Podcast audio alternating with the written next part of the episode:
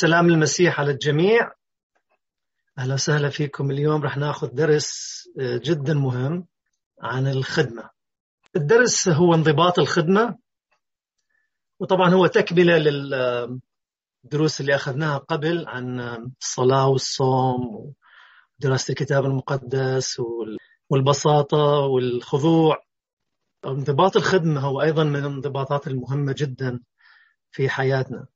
بما أن الصليب هو علامة الخضوع فإن المنشفة هي علامة الخدمة. المسيح لما نعرف كلتنا لما جمع تلاميذه بالعشاء الأخير كانوا يواجهون مشكلة صعبة في تحديد من هو الأعظم. فكانت هاي القضية مو قضية جديدة لهم. وحتى الكتاب المقدس يقول وداخلهم فكر من عسى أن يكون أعظم فيهم.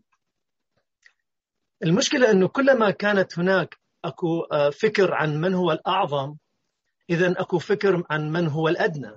هذا هو جوهر الأمر بالنسبة لنا. فالمشكلة أنه إحنا مثلا ممكن ما نكون الأعظم لكن على الأقل ما نريد نكون الأدنى. وهذا هو الفكر أيضا فكر التلاميذ كان بوقتها. فلما اجتمعوا التلاميذ كانوا يعرفون أنه أكو حاجة لغسل أقدام الآخرين. لأنه بذاك الوقت يعني كان أرجلهم دائما تتوسخ يعني يصير فيها نوع من التراب. فمن يدخلون لبيوت الناس لازم في شخص يجي يغسل أرجل الناس اللي اللي دخلوا. فكانت المشكلة أنه الأشخاص الوحيدين اللي يغسلون القدمين هم الأدنى. فجلسوا كلهم وأرجلهم ملطخة بالتراب. كانت هاي نقطة يعني مؤلمة بالنسبة لهم. يعني كلهم كانوا ساكتين على الموضوع. ما حدا يعني جرأ أنه يحكي بالموضوع لأنه كلهم ما يريدون يكونوا هم الأدنى. يعني أنه ينزلون لهالدرجة أنه يغسلون أرجل الناس الباقي. لكن اللي صار فاجأ الكل يعني أنه المسيح أخذ فوطة وحوض وأعاد تعريف العظمة. فعلا المسيح أعطانا تعريف جديد للعظمة. المسيح بعد أن عاش حياة الخدمة أمام التلاميذ دعاهم إلى طريق الخدمة. في يوحنا 13 المسيح يقول فإن كنت وأنا السيد والمعلم قد غسلت أرجلكم فأنتم يجب عليكم أن يغسل بعضكم أرجل بعض. لأني أعطيتكم مثالا حتى كما صنعت أنا بكم تصنعون أنتم أيضا. إحنا يمكن مرات نفضل إنه نسمع من المسيح إنه ننكر ذواتنا أو أبونا وأمنا أو منازلنا والأرض من أجل الإنجيل. لكن صعب علينا إنه نسمع إنه اغسل قدمين غيرك. يعني فعلا شيء صعب يكسر كبريائنا في الخدمة يجب أن نواجه العديد من الميتات الصغيرة الناتجة عن تجاوز ذواتنا. يعني في الخدمة دائما كل ما نخدم كل ما إحنا كأنه نموت. يعني بدنا نشعر بموت صغير. فهي عبارة عن موت بسبب تجاوز ذواتنا. أنا بدي أضغط على ذاتي على جسدي. بدي أعمل شيء عكس إرادتي.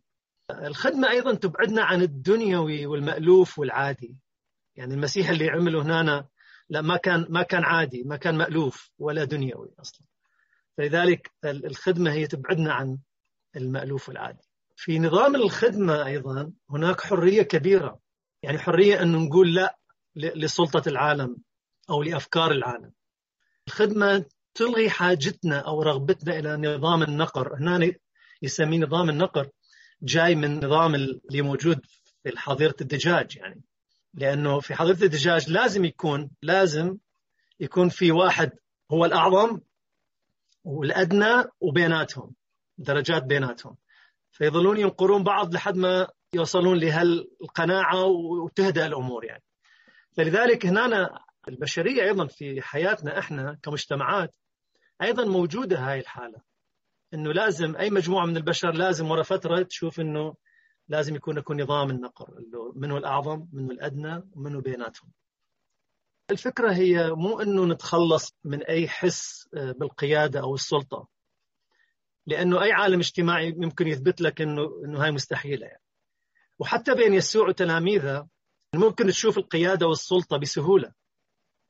النقطة المهمة هنا أن يسوع أعاد تعريف القيادة بالكامل وأعاد ترتيب خطوط السلطة. المسيح ما علم أنه لكل شخص له سلطة متساوية. ما كان ما كان هذا هو تعليم المسيح. وأيضا السلطة اللي يتكلم عنها المسيح هي مو سلطة نظام النقر اللي حكينا عنه ولا هو عكس نظام النقل لا هو طبيعة جذرية هي. شيء جذري تغيير جذري عن الشيء المألوف. لم تكن السلطة اللي, يتحدث بها المسيح هي سلطة للتلاعب والسيطرة. هي كانت سلطة وظيفية وليست سلطة مركزية. في متى 20 المسيح حكاها فدعاهم يسوع وقال أنتم تعلمون أن رؤساء الأمم يسودونهم والعظماء يتسلطون عليهم فلا يكون هكذا فيكم بل من أراد أن يكون فيكم عظيما فليكن لكم خادما ومن أراد أن يكون فيكم أولا فليكن لكم عبدا. كما أن ابن الإنسان لم يأتي ليخدم بل ليخدم وليبذل نفسه فدية عن كثيرين. هاي هي الطبيعة الجذرية لتعاليم المسيح ليست دنيوية. لذلك سلطة السلطة الروحية ليسوع هي سلطة لا توجد في منصب أو لقب بل في المنشفة. الآن نحن نأخذ مقارنة بين الخدمة النابعة من البر الذاتي والخدمة الحقيقية. أول فرق الخدمة النابعة من البر الذاتي تأتي من خلال الجهد البشري. يعني مجموعة ناس يتفقون أيضا ينفقون كميات هائلة من الطاقة والتخطيط فلوس أيضا والحساب من أجل أنه يقدمون خدمة معينة. يتم وضع المخططات والاستطلاعات الاجتماعية حتى يتمكنون من مساعدة مجموعة من الناس. أما الخدمة الحقيقية هي تأتي من العلاقة العميقة مع الآخر اللي هو الإلهي. مع الله تخدم من خلال دوافع الدوافع الإلهية المساعدات البسيطة. يتم إنفاق الطاقة طبعا لكنها مو من طاقة الجسد يعني مو من جهد بشري وإنما التركيز كله يكون عن الدافع الإلهي. النقطة الثانية أيضا الفرق الثاني الخدمة النابعة من البر الذاتي معجبة بالصفقة الكبيرة. يعني هي معنية أنه تحقق مكاسب كبيرة ورائعة على لوحات الكنائس على النتائج من الكنائس أنه يذكروها دائما. والشخص اللي اللي يعمل هاي الخدمة أنه يستمتع بها عندما تكون الخدمة عملاقة وكبيرة. الخدمة الحقيقية هي تجد أنه يكاد يكون من المستحيل أنه تميز بين الخدمة الصغيرة والكبيرة. بالعكس لما لما واحد شخص مثلا عنده الروح بالخدمة الحقيقية أنه لما نلاحظ مثلا عدة أنواع من الخدمة موجودة ممكن يختار الخدمات الصغيرة لأنه يلاحظ فيها أنه أهمية أكبر وهو ما يفرق أيضا بين كبيرة وصغيرة. يعني مستعد أنه يخدم بأي مكان آه، يلاحظ أنه في حاجة للخدمة فيه. النقطة الثالثة الخدمة النابعة من البر الذاتي تتطلب مكافآت خارجية. تحتاج أن تعرف أن الناس يرون ويقدرون هذا الجهد. يعني يبحثون عن إطراء إطراء بشري. الخدمة الحقيقية تكمن في الخفاء. هي ما تخشى الأضواء ولا ولا وهج الانتباه لكنها ما تسعى ما تسعى لهذا الشيء. لأنها تعيش من مركز مرجعي يختلف اللي هو الله الإيماء الإلهية هي تكفي. يعني موافقة الرب على الخدمة هو هذا كافي جدا. الفرق الرابع الخدمة النابعة من البر الذاتي قلقة للغاية بشأن النتائج. يعني هم دائما ينتظرون بفارغ الصبر إنه يعرفون إنه هذا الشخص اللي قدموا له الخدمة كيف راح يرد بالمثل. وإذا النتائج ما طلعت مثل التوقعات فراح يكون الأمر سيء جدا ومرير بالنسبة له لكن الخدمة الحقيقية هي خالية من الحاجة لحساب النتائج. الشخص يفرح لما يقدم خدمة حتى ممكن يقدم يقدم خدمة للأعداء بحرية مثل الأصدقاء. الفرق الخامس الخدمة النابعة من البر الذاتي تنتقي وتختار من تخدم. يعني مرات ممكن يختارون الأفضل والأقوى على مود يضمنون ميزة معينة أو ممكن يختارون مرات الضعفاء والعزل على مود يضمنون صورة متواضعة للخدمة مالتهم. لكن الخدمة الحقيقية هي لا تميز في خدمتها. الخدمة الحقيقية هي سمعة وصية يسوع أن تكون خادما للكل فانتفضت لخدمة الكل. الفرق السادس الخدمة النابعة من البر الذاتي تتأثر بالمزاج والأهواء. يمكن أن تخدم بس لما يكون أكو شعور أو مزاج الخدمه، فإذا صار أي شيء مثلا سوء صحة شوية يعني نوع من المرض أو عدم كفاية نوم مثلا فممكن هذا يأثر على الخدمة ككل يعني. لكن الخدمة الحقيقية تساعد ببساطة وأمانة لأن تشوف أكو حاجة. هنا والخدمة الحقيقية تعلم أن الشعور للخدمة يمكن أن يكون بكثير من الأحيان عائق أمام الخدمة. الخدمة الحقيقية تنظم المشاعر بدلا من السماح للشعور بالتحكم في الخدمة. الفرق السابع الخدمة النابعة من البر الذاتي مؤقتة إنها تعمل فقط لما يكون أكو أعمال خدمة جاهزة وبعد أن تخدم ممكن تأخذ لها راحة طويلة. يعني بسهولة لأنه يعني سوت اللي عليها. الخدمة الحقيقية هي أسلوب حياة. هي تعمل من أنماط المعيشة المتأصلة. تقفز من تلقاء نفسها لتلبية حاجة الإنسان. الفرق الثامن الخدمة النابعة من البر الذاتي غير حساسة. تصر على تلبية الاحتياج في أي وقت يريدوه هم والأي ناس يريدوهم. بالرغم من أنه مرات يكون يمكن الخدمة بذاك الوقت مدمرة ما تكون مناسبة لكن هي بأي حال من الأحوال تدور على أي فرصة للمساعدة. لكن الخدمة الحقيقية يمكن أن توقف الخدمة بحرية مثل أدائها لها يعني ممكن يوقفون الخدمة إذا شافوا أن الوقت مو مناسب أنه يخدمون بهالأحوال. وأيضا ممكنها أن تستمع بحنان وصبر قبل أن تتصرف. وأيضا يمكنها أن تخدم من خلال الصمت تنتظر وتصمت وتسمع الآخرين. والنقطة التاسعة الخدمة النابعة من البر الذاتي تمزق المجتمع. أنت بس لو تشيل كل الزخارف الدينية لهاي الخدمة راح تظهر أنه هاي الخدمة متمحورة في تمجيد الفرد. وتضع في كثير من الأحيان تضع الآخرين في دين. وتصبح أحد أكثر أشكال التلاعب المعروفة دهاء وتدميرا. الخدمة الحقيقية تبني المجتمع. هي تمضي بهدوء وبتواضع في الاهتمام باحتياجات الآخرين. هي تجذب توحد تشفي وتبني. الآن راح نشوف الربط الكبير بين الخدمة والتواضع. التواضع هو إحدى الفضائل اللي ما نكتسبها أبدا من خلال البحث عنها. كلما سعينا وراها كلما راح تصير بعيدة عنا الشخص اللي يقول إنه أنا عندي تواضع وامتلكتها التواضع فمعناها إنه هو ما يمتلكها. هاي حقيقة يعني.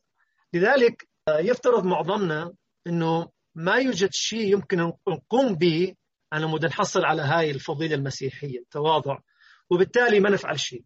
نترك الموضوع وخلاص ننساه لكن أكو طريقة يمكننا القيام بها. إحنا ما بحاجة إنه نعيش حياة ضعيفة على أمل إنه آه، ينزل التواضع علينا في يوم من الأيام. هي الضعف مو تواضع. يعني مرات يمكن نفهمها غلط. تواضع ليس ضعفا. والخدمة هي الأكثر مساعدة على نمو التواضع. يعني اذا أي واحد من عندنا يريد ينمي التواضع مالته فماكو غير إنه يدور على مجالات للخدمة في مجتمعه. وتحدث تغيير عميق في أرواحنا. يعني ماكو أي شيء يضبط ويغير رغبات الجسد المفرطة مثل الخدمة. بالأخص الخدمة اللي تقدم بالخفاء. لأنه الجسد يجذب ويسحب من أجل هدف واحد هو التشريف والتقدير. يعني دائما يخليك okay إذا سويت خدمة معينة لازم تحس أكو تقدير لك أكو تشريف لك إذا ماكو هذا الشيء يعني يجرك يبعدك عنها فيبتكر الجسد وسائل كثير خفية ومقبولة دينيا مرات على مود يلفت الانتباه للخدمة المقدمة. وإذا رفضنا الاستسلام لشهوة الجسد فبهالطريقة إحنا بدنا نصلب جسدنا وكل ما نصلب جسدنا بدنا نصلب كبريائنا وغطرستنا أيضا. رسول يوحنا يقول في رسالة يوحنا الأولى لأن كل ما في العالم شهوة الجسد وشهوة العيون وتعظم المعيشة ليس من الآب بل من العالم. هاي الآية مرات ما تنفهم صح لأنه عادة بناخذها بمعنى الخطيئة الجنسية يعني نفكر أكثر بالخطايا الجنسية. لكن شهوة الجسد هنا تدل على أنه فشل في تأديب الأهواء البشرية الطبيعية. نلاحظ في هذه الآية تركيز على الافتتان بالقوى والإمكانيات البشرية الطبيعية دون الاعتماد على الله. هي هاي النقطة الأساسية لهذه الآية. بالعكس لازم إحنا نعتمد على الله أكثر من أي إمكانيات بشرية أو أي قوى أخرى في هذا العالم.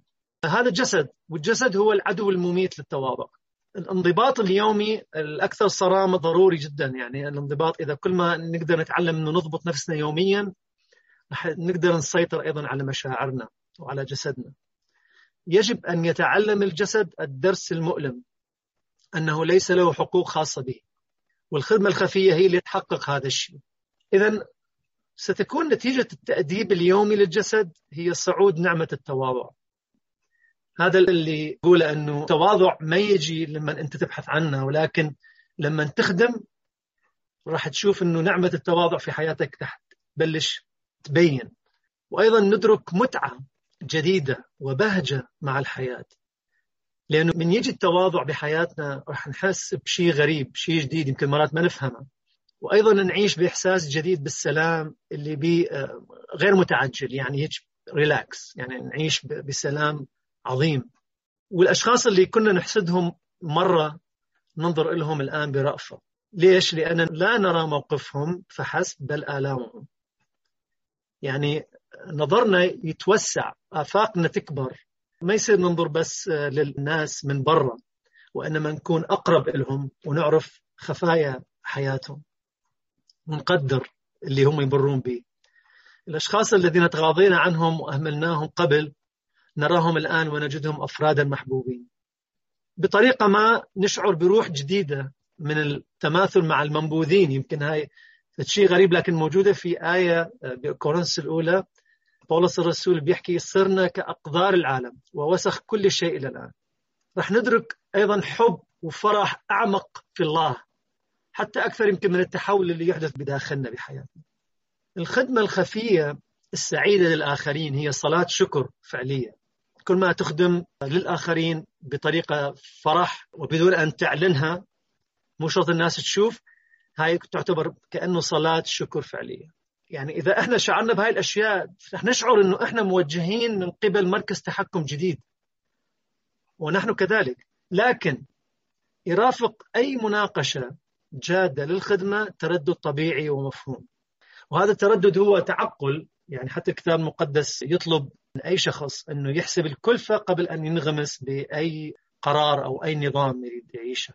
فنشعر بالخوف نشعر بالخوف من هاي الخدمة. مثلا ممكن أن نفكر إذا فعلت هذا الشيء راح يستغلني الناس أو راح يدوسون علي. هنا لازم نعرف الفرق بين اختيار أن نخدم واختيار أن نكون خادمين. لما نختار أن نخدم إحنا ما زلنا مسؤولين. إحنا نقرر من نخدم ومتى سنخدم.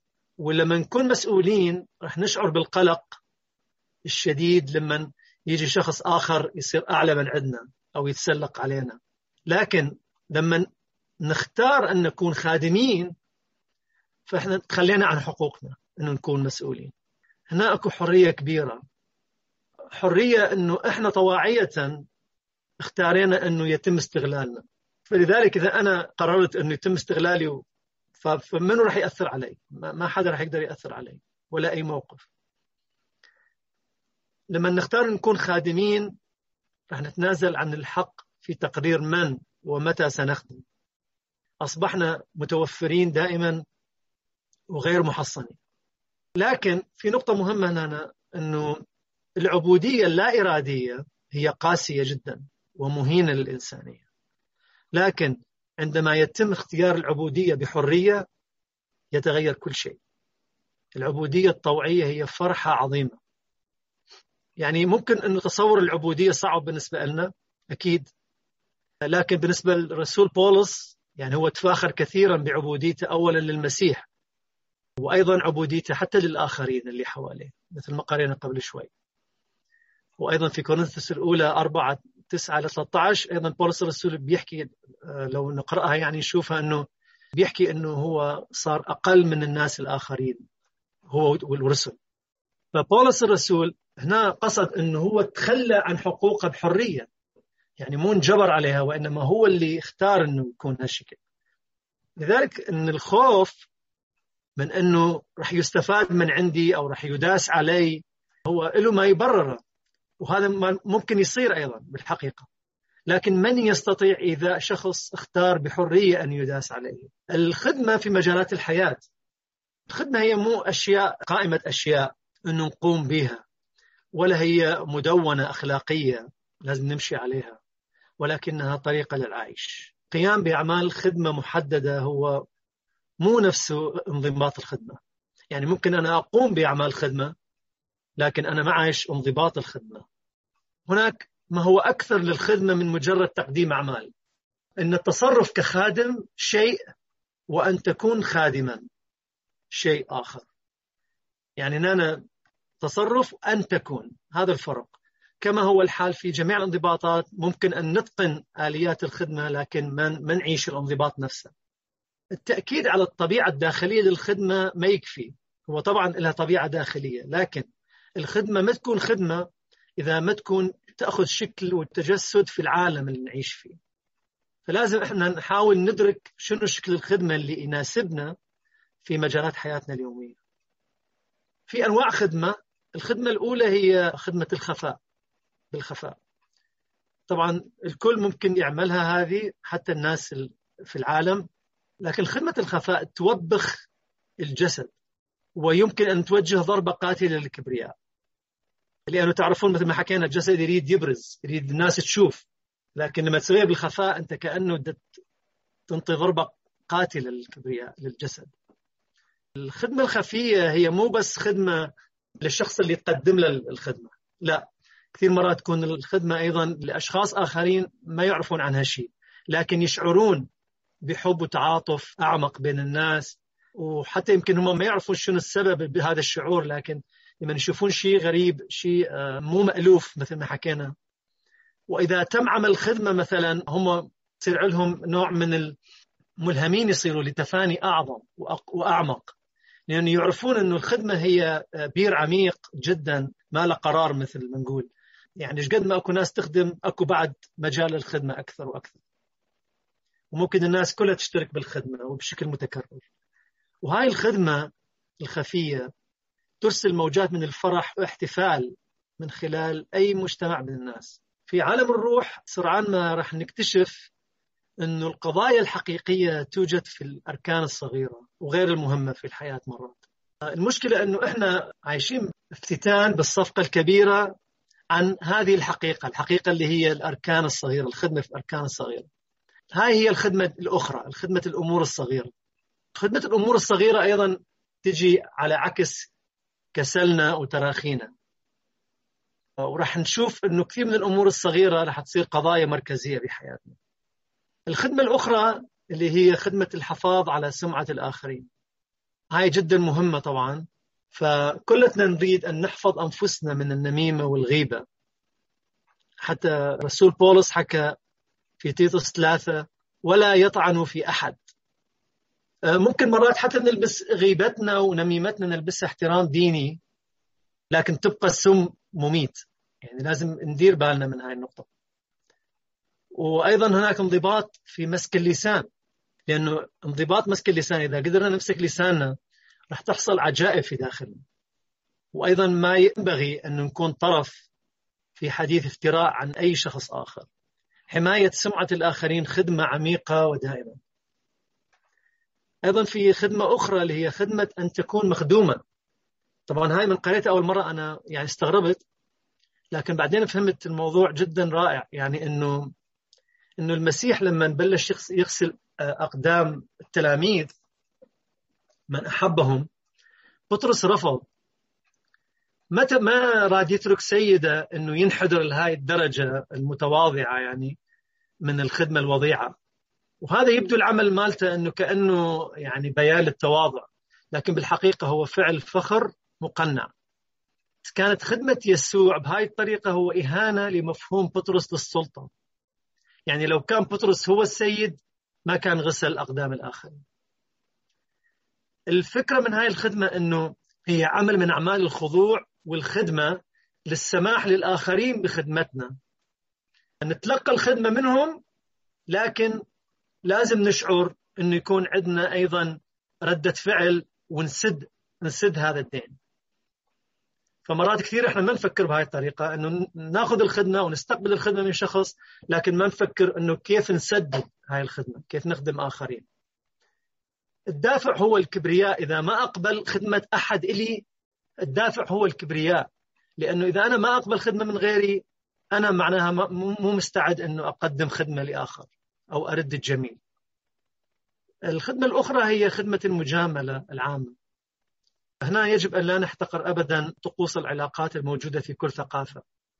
يعني هي إحدى الطرق القليلة المتبقية في المجتمع الحديث للاعتراف بقيمة الآخر. في تيتوس ثلاثة ويكونوا غير مخاصمين حلماء مظهرين كل وداعة لجميع الناس. وخاصة المبشرين الإنجيل لما يروحون لمكانات بعيدة يعرفون قيمة المجاملة. يعني ما يجرؤون أنه يرتكبون أخطاء في قرية أو في مدينة معينة إلا إذا يمرون بطقوس المدينة أو القرية هذيك بالتعريف والتعارف على الناس.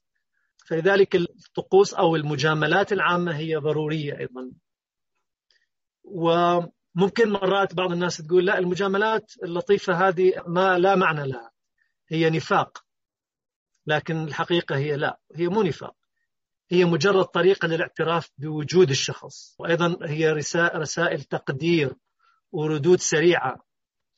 وهي أيضا الاعتراف بالآخرين والتأكيد على قيمتهم. هذا هو الغرض الأساسي. فبكل بساطة إحنا ممكن أيضا نجامل ونعتبرها كأنه إحنا اعتراف بهذاك الشخص أنه هو آه، على قيمته وعلى وجوده. الخدمة الأخرى خدمة الضيافة. يحثنا بطرس الرسول في رسالة بطرس الأولى كونوا مضيفين بعضكم بعضا بلا دمدمة وأيضا بولس الرسول في رسالته إلى تيموثاوس الأولى أيضا بيجعلها هاي خدمة الضيافة واحدة من الخدمات المفروض تتوفر في الأسقف هناك حاجة ماسة اليوم للمسيحيين أن يفتحوا بيوتهم لبعضهم البعض. وأكو كان فكرة قديمة هي بيت الضيافة. بهالوقت هذا صارت فكرة بالية يعني بسبب كثرة الفنادق والمطاعم ومكانات أخرى مرات في بعض الأحيان يمكن ما نعمل خدمة في بيوتنا لأنه إحنا نجعلها معقدة جدا فلذلك إحنا ممكن أيضا نبسط هذا الشيء وما نعقد المسألة وبسهولة نقدر نجتمع في بيوت بعضنا البعض. خدمة الاستماع هاي الخدمة الأولى اللي يدين بها المرء للآخرين. هي الاستماع. كما أن محبة الله تبدأ بالاستماع إلى كلمته كذلك بداية حب الأخوة هي تعلم الاستماع إليه. إحنا محتاجين جدا إنه نساعد بعضنا البعض بالاستماع إلى بعضنا البعض. ما نحتاج محللين نفسيين مدربين على مود يسمعون للناس هي أهم المتطلبات أنه تكون عندك رحمة وصبر وأيضا ما يتعين عليك أنه تحصل على إجابات صحيحة دائما لما تستمع بالعكس الإجابات الصحيحة لما تفكر فيها الشخص اللي يحكي معك وأنت تفكر بإجابات صحيحة راح تصير عائق أمام استماعك له فلازم دائما نركز أنه نستمع أكثر من ما نرد أو نجاوب أو نلقي أجوبة للشيء اللي دينا حكى. وأيضا نصف الاستماع أو قلة الصبر هي إهانة للشخص المشارك. الاستماع إلى الآخرين يهدئ العقل ويؤدبه على الإصغاء إلى الله. يخلق عمل داخلي على القلب يتحول إلى عواطف وحتى يصير أولويات بالحياة.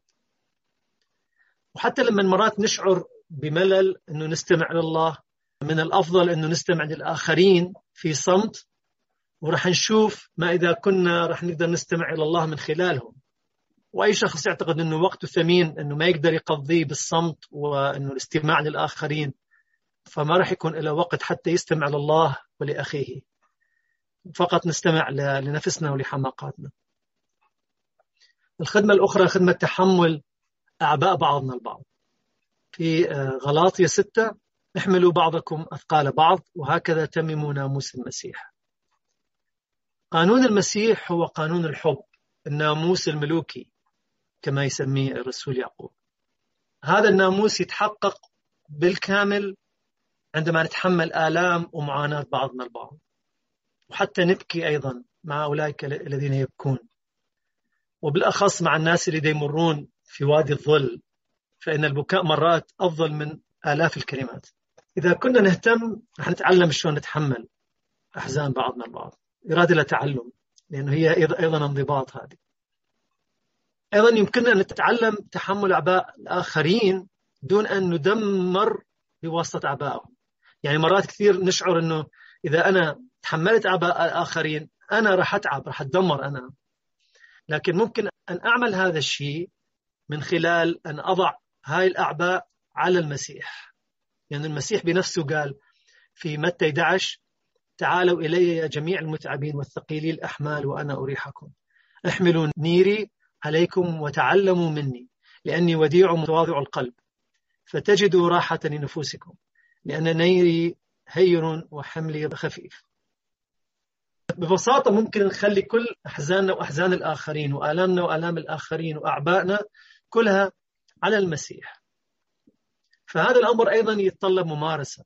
بدل من أن أنه نتحمل أعمال العالم كله اللي حوالينا لازم نفكر ببساطة أكبر أنه نبلش بزاوية صغيرة من حياتنا في مكان معين ما ونقدم خدمة والمسيح راح يكون هو معلمنا هو راح يساعدنا في هذا الموضوع. الخدمة الأخيرة هي خدمة مشاركة كلمة الحياة مع بعضنا البعض. هاي الخدمة اللي هي أيضا التبشير توصيل رسالة للآخرين. لأنه توصيل رسالة الخلاص والمصالحة مع الآب لكل من حولنا. هاي أيضا من الخدمات العظيمة اللي المفروض أيضا نعملها مثل ما عملها المسيح ومثل ما عملها التلاميذ الآخرين. المسيح القائم من بين الأموات يدعونا إلى خدمة المنشفة. هذه الخدمة اللي تنبع من أعماق القلب. هي حياة وفرح وسلام. ويمكن ممكن نبدي اليوم نصلي هاي الصلاة البسيطة نقول يا رب يا رب يسوع من فضلك أحضر لي اليوم شخصا يمكنني أن أخدمه. آمين.